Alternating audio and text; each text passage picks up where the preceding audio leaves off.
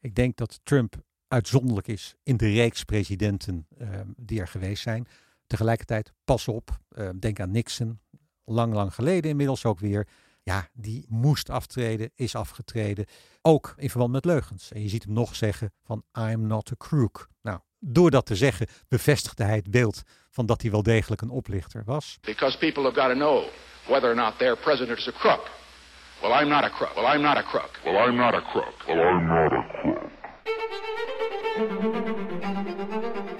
Ik geef u één advies, mevrouw. U kunt mij dit honderd keer vragen. U zult honderd keer uh, het antwoord krijgen dat ik daar geen commentaar op geef. Daar ga ik me ook verder niet over uh, uitlaten. En, uh... Ik ga geen uitspraak doen over deze ene zaak. En ik beslis wanneer ik wel of niet een antwoord geef. En ik zou graag willen dat dit gesprek nu beëindigd wordt. Ja?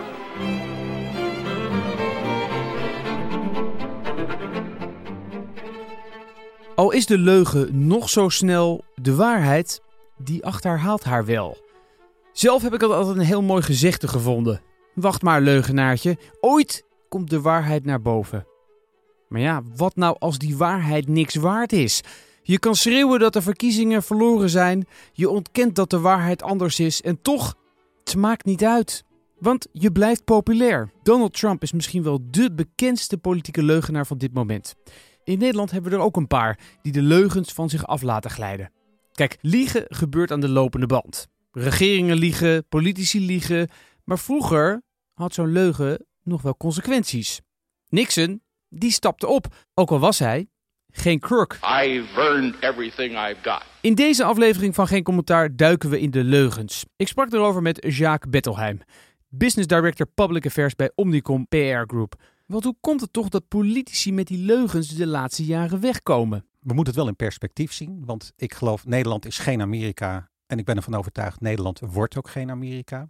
Maar dat gezegd hebbend, het is ontegenzeggelijk waar dat er een groeiende groep is. Ook al is het een minderheid, maar er is een groeiende groep die zich niets gelegen laat liggen aan de officiële media.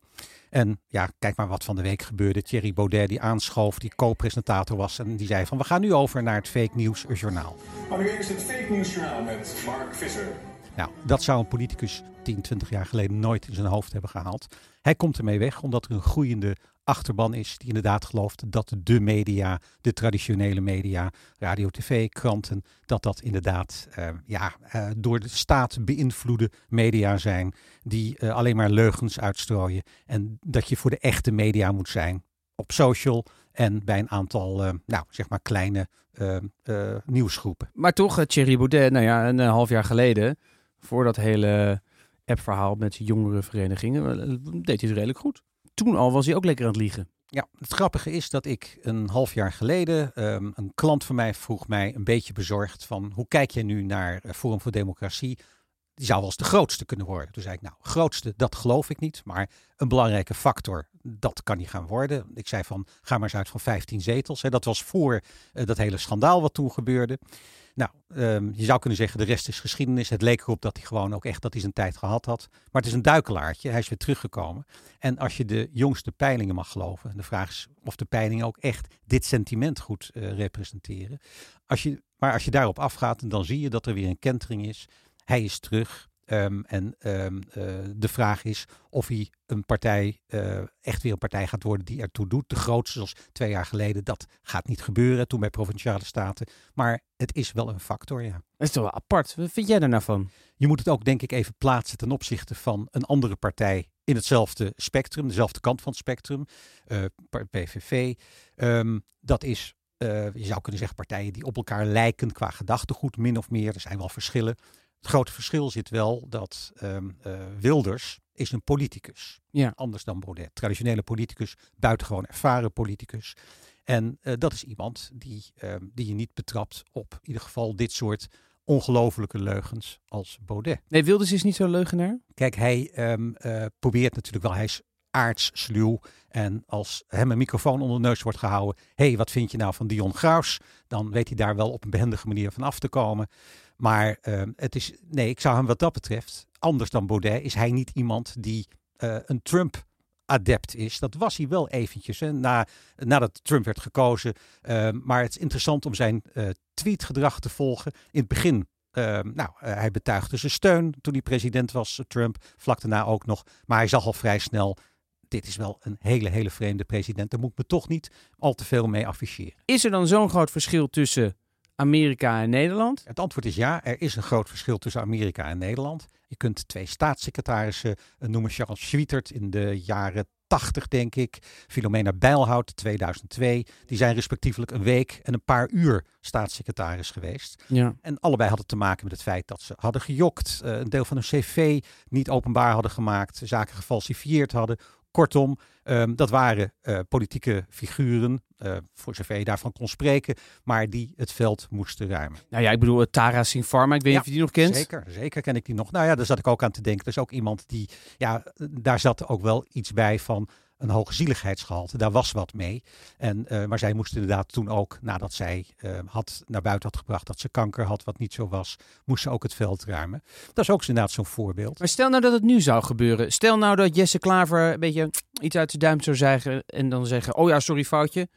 Of zouden er echt gewoon consequenties aan hangen? Ja, ik denk dat je verschil moet maken tussen partijen. Als er weer zoiets gaat gebeuren in zijn partij of in andere min of meer middenpartijen. Want als je het op de keper beschouwt, ga van SP aan de linkerkant naar de VVD aan de rechterkant. Natuurlijk zitten daar verschillen tussen. Maar op de keper beschouwd zijn het allemaal middenpartijen. Een beetje meer links, een beetje meer rechts. Ehm, dit soort partijen eh, komen daar niet mee weg. Als daar een politicus is die echt uit de bocht vliegt, dan gaat daar nog steeds wat gebeuren. Maar eh, tegelijkertijd zien we ook de voorbeelden, met, met name bij Forum, eh, waar je er wel degelijk mee weg. Ja, dus er zijn eigenlijk alleen een beetje partijen aan de zijkanten waar, waar, waar liegen mag. Ja, kijk ook naar Denk. hè. Dat is natuurlijk aan de andere kant. Die eh, ontkent dat er in Turkije heel verschrikkelijke dingen zijn gebeurd. Eh, nou ja, dat, daar de genocide in, eh, in 1915, als ik het goed zeg, 1916.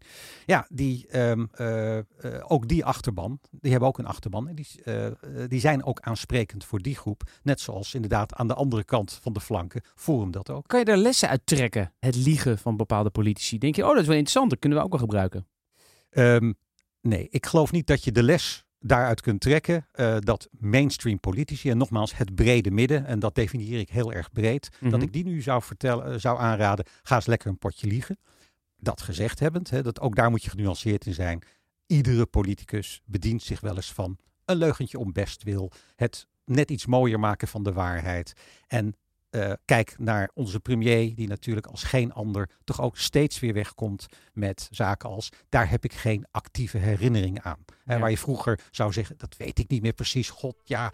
Eh, dus de uitspraak, daar heb ik geen actieve herinnering aan, is typisch zo'n Rutte-uitspraak. Deze hele kwestie stinkt van alle kanten. Als de premier er wel van wist, en ik geloof in ieder geval niet dat hij er niet van wist, dan wist hij ook dat zijn vriendin Hennis de Kamer heeft volgelogen en heeft hij daar niets aan gedaan. Ik heb geen herinnering Ja, aan geïnformeerd zijn in enige wijze in de maand juni 2015. Ik moet toch de waarheid hier vertellen? Ik heb er geen herinnering aan dat ik in die maand of in die maanden geïnformeerd ben. Ik heb geen herinnering aan informatie in die maand. Ik kan niet een herinnering faken die ik niet heb. Rutte had geen herinnering aan een gesprek met Hennis over de burgerslachtoffers in Irak. Geen herinnering aan de dividendbelastingmemo. Geen herinnering hieraan. Geen herinnering daaraan. Ga zo maar door. Ja, en wat is dan de, de thin line? Wanneer mm, zeggen we, nou oké, ja, het kan wel. En we weten dat je misschien het wel weet, maar oké, het leugentje om best wil. En wanneer gaat iemand echt de grens over? Het is boeiend, hè? Want kijk even naar andere politici die inmiddels hebben gezegd: ehm, ik verwind consequenties aan die toeslagenaffaire. Ehm nou, Asscher heeft daar consequenties aan verbonden. Erik Wiebes, wat verder verleden Menno Snelle staatssecretaris. Rutte komt daarmee weg. En waarom komt hij daarmee weg? Hij komt daarmee weg omdat hij een heel hoog teflongehalte heeft. Het kleeft hem allemaal niet zo aan. Ehm, en eh, vergeet ook niet, hij is natuurlijk een buitengewoon aansprekend leider. Daarvan, ik loop, durf ik te zeggen, al redelijk lang mee, ook op politiek gebied. Dit heb ik ook nog niet eerder meegemaakt. Zelfs Ruud Lubbers, die toch ook heel lang het voorbeeld was van een eh, stevig politicus met een enorme uitstraling, ehm, met heel veel goodwill, een, een macher, een sterke leider. Ja, uh, uh, Rutte is een ander mens, maar tegelijkertijd wel iemand die met heel veel wegkomt. Maar is het ook de, de, een sign of the times? Het is een sign of the times, um, maar um, ook in het verleden werd wel eens gejokt, werd wat creatief met de waarheid omgegaan. Lubbers wist daar ook wel raad ja, heb mee. Je, heb je een paar leuke voorbeelden waarvan je denkt, oh ja, dat is nou echt typisch zo'n ja, beetje, beetje framen, een beetje draaien? Ja, Lubbers die um, werd ervan beschuldigd dat hij zou bezuinigen ergens op. Hè. Marcel van Dam die pakt hem keihard aan in, in debatten. Zo komt Jan uh, Splinter door de winter. U bent de boel aan het belubberen. Um, dan uh, sloeg hij echt paars uit. Paars niet in de politieke sfeer, in de politieke context, maar hij werd echt, hij liep rood aan. Dat vond hij heel, heel erg. En dan zei hij ook van, uh, u mag alles vinden, meneer Van Dam, maar u mag mij niet van het gebrek aan integriteit betichten. Maar hij wist zich daar toch wel een beetje uit te manoeuvreren en eigenlijk te stellen van, ik ben helemaal niet aan het bezuinigen. U, uh, u, u verdraait de waarheid, meneer Van Dam. En het interessante is, um, Rutte heeft dat ook een keer gedaan in een heel, heel spannend debat, 2012. En zij stond toen tegenover Emiel Roemer. Het lijkt nu onvoorstelbaar, maar um, er, uh, het was niet denkbeeldig dat de SP onder leiding van Roemer op het premierschap zou afstevenen. Dat is niet gebeurd. En waarom is het niet gebeurd? In een cruciaal debat stonden Rutte, Rutte en Roemer tegen elkaar. Roemer viel aan, Rutte verdedigde. En dat deed hij op een heel behendige manier. Uh, Roemer zei namelijk, u wil eigen risico, wilt u verhogen, meneer Rutte. Nee, zei Rutte, dat wil ik helemaal niet. Jawel, jawel, het staat in uw programma. Dat staat niet in mijn programma. En was zo, je kunt het nu niet zien, hij was een nee schudden. Roemer stond in zijn hemd. En Rutte had feitelijk gelijk, maar wat Roemer had moeten doen, hij had het op een iets hoger niveau moeten aanpakken. Hij had moeten zeggen, u bezuinigt op de zorg. Wat u doet, dat voelt iedere Nederlander in zijn portemonnee. Daar was Rutte niet mee weggekomen.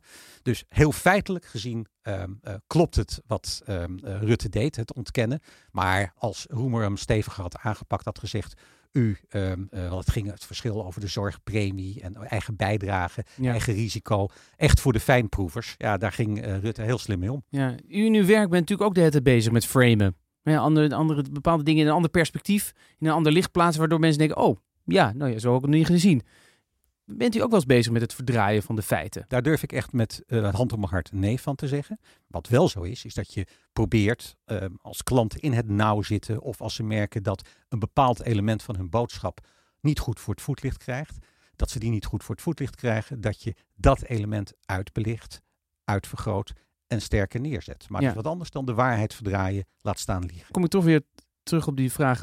Wanneer is het nou liegen en wanneer is het nou heel goed framen? Nou ja, wat goed framen is, is um, een bepaald element in je boodschap versterken die normaal gesproken niet de media haalt. Dan um, uh, geef je eigenlijk, je zet de schijnwerpers ergens anders op. Maar dat is wat anders dan liegen. Ja. Dat is wat anders dan Baudet doet. Met glashard ontkennen uh, dat hij uitspraken heeft gedaan over negers. Ja. Dat ontkent hij. Nou, dat vind ik toch echt wel van een andere orde. Uh, en dat dan zich ervan afmaken in de zin van, ach ja, luister nou eens, uh, iedereen maakt zich wel eens schuldig aan een, een, een flauwe grap of iets dergelijks. In een tijd van alternatieve waarheden, van fake news, van rabbit holes en van lange Frans, is het ook een stuk makkelijker om een deel van de mensen te overtuigen dat een leugen geen leugen is. En dan hebben we het vooral over mensen die zich sowieso aan de zijkanten van het politieke spectrum thuis voelen. Maar hoe zit het met het populisme? Is dat ook een ideale thuishoek voor de leugen? Ik denk dat je moet oppassen om populisme aan de ene kant en um, uh, liegen uh, met elkaar te vereenzelvigen. Dat zijn verschillende dingen. In de Nederland, als ik me even beperk tot de Nederlandse politiek, je kunt het nog zo breed trekken als je wilt, maar we hebben best wat populisten gehad. In ieder geval leiders die um, populistische trekjes hadden. Ik denk aan Wiegel, ik denk aan Den Uyl, ik denk aan Van Acht, even het verdere, verdere verleden. Um, die hadden, um, dat waren serieuze politici, maar die spraken een brede groep mensen aan en die hadden absoluut populistische trekjes. Hans Wiegel is daar een voorbeeld van. Maar uh, die zullen ongetwijfeld wel eens uh, hier en daar een klein beetje gejokt hebben. De waarheid misschien een heel klein beetje naar zich toe hebben gehaald. Maar dat waren geen notoire leugenaars. Nee. Pim Fortuyn? Zeker ook niet. Dat was een populist puur sang. Maar die benoemde de dingen vanuit zijn eigen perspectief. Daar kon je alles van vinden. Daar vond ik ook van alles van. Maar die zie ik niet als een leugenaar. Wij zijn realisten met een hart. Wij zijn gewoon leefbaar Nederland. Dames en heren, met het uitspreken van deze reden aanvaard ik volgaarne het lijsttrekkerschap van Leefbaar Nederland. Ik heb er alle vertrouwen in u Ik heb er zin aan. At your service. Grote vraag is: heeft de leugenaar met zijn eigen waarheid zich stevig genoeg genesteld in onze politieke arena? Of is dit een fase die weer voorbij gaat? Jacques, die weet het nog niet. Ja, als je het geheel plat slaat en je kijkt er een beetje mee uh, vanuit een bijna historisch perspectief naar waar komen we vandaan, waar staan we nu, waar gaan we naartoe? Um, ja, Nederland blijft natuurlijk ook een gek nuchter landje. Ik bedoel, uh, al te veel um, uh, uit de bocht springen wordt ook door een grote groep niet gewaardeerd. Daar geloof ik wel heilig in hoor. Wat dat betreft uh, al te rare streken. die woorden krijgen toch niet echt enorm draagvlak. Maar uh, tegelijkertijd, ik hoor me dat zeggen. En tegelijkertijd maak ik me ook soms wel zorgen. Als je terugkijkt van waar je in het verleden op betrapt werd en waar je niet mee wegkwam. het was, dus, dan moeten we ook echt wel behoorlijk terug in de tijd. Een Um, een getrouwde minister. We hebben het over, ik geloof 1959 ongeveer. En die had een buitenechtelijke affaire. Nu zou je zeggen, ja, dat is jouw keus, uh, man. Wat, waar bemoeien we ons mee? Die moest aftreden. Ja, nu is de vraag, wie heeft het niet? Uh, ja, dat zou je zomaar eens kunnen zeggen. Hè? En nou ja, dat geeft dus ook al aan. Er werd in eerste instantie ook besmuikt over gedaan. Er werd niet over naar buiten getreden. maar op een gegeven moment werd het duidelijk. En zijn positie werd onhoudbaar. Nou, als je daar nu naar kijkt, zou je zeggen: deze man kan rustig blijven zitten. En wat heb je ermee te maken verder? En, en, en nu kan je gewoon antisemiet zijn, uh, racist, seksist, dat maakt maar niet uit. Ja, nou, maar dat is dus de vraag: waar kun je dat zijn? Dat kun je in een bepaalde bubbel zijn, waar mensen um, ja, uh, een enorme tolerantiegrens hebben. Een vreemde tolerantiegrens uh, zou ik bijna willen zeggen. Die mevrouw van GroenLinks, waar veel om te doen is. En die lid zou zijn van het moslimbroedergezelschap. Dat is wel een dingetje. Um, ik denk, overigens, ik geloof niet dat daar gelogen is. Maar dat is wel een kwetsbaarheid bij GroenLinks. Um, en uh, uh, als je kijkt hoe dat nu gaat, um, want er zijn eigenlijk twee mogelijkheden. Op het moment dat dit naar buiten kwam, had deze mevrouw zelf um, uh, de eer aan zichzelf kunnen houden. Of de partijleiding had kunnen zeggen, dit is misschien toch niet zo handig. Nog het een, nog het ander is gebeurd. Ze zit er. En in de peilingen, GroenLinks doet het niet vreselijk goed, maar dat deden ze daarvoor ook al niet. Ik geloof niet dat dit nu invloed heeft. Ze lijken weer een beetje op te krabbelen nee. overigens. Um, is daar gelogen? Nee, dat geloof ik niet. Maar uh, er is wel een kwetsbaarheid blootgelegd. Je kan ook zeggen, ja, iedereen is vervangbaar. Ja. Dit is natuurlijk een crisis, die kan natuurlijk veel groter worden. Journalisten duiken erop. Voor je het weet komen ze met nieuw onderzoek. Komen er nog meer dingen naar buiten. Maar kennelijk, um, uh, en je moet even kijken wat gebeurt er op 17 maart. Dat weet je nog niet helemaal zeker. Um, voor zover ik dat nu kan overzien, is dit nog niet zo'n heel slechte keus geweest. Ik gaf net het voorbeeld van de PVV, Dion Graus. Nou, uh, ik ja. heb het onderzoek niet gedaan, maar ik ben ervan overtuigd dat daar echt wel iets aan de hand is. Wilders wuift dat weg. Daar komt hij ook mee weg. Nou, kijk hoe hij het momenteel in de peilingen doet. Lang niet slecht. Lang niet slecht. Dus um, ook daar, um, uh, en ik denk dat daar echt wel verschil zit met, tussen die mevrouw Kautahar, want daar hebben we het over van GroenLinks en Dion Graus. Maar um, ja, daar komt hij toch wel mee weg. Tja, je kan veel flikken tegenwoordig. Het blijft toch een bijzonder fenomeen, die leugen in de politiek. Halbe Zijlstra heeft misschien net iets te vroeg gelogen. Maar dat is voor een andere keer. Dit was geen commentaar. Wil je nou niks missen? Abonneer je dan via Spotify of Apple Podcasts. Mijn naam is Frank Kromer. Tot de volgende keer.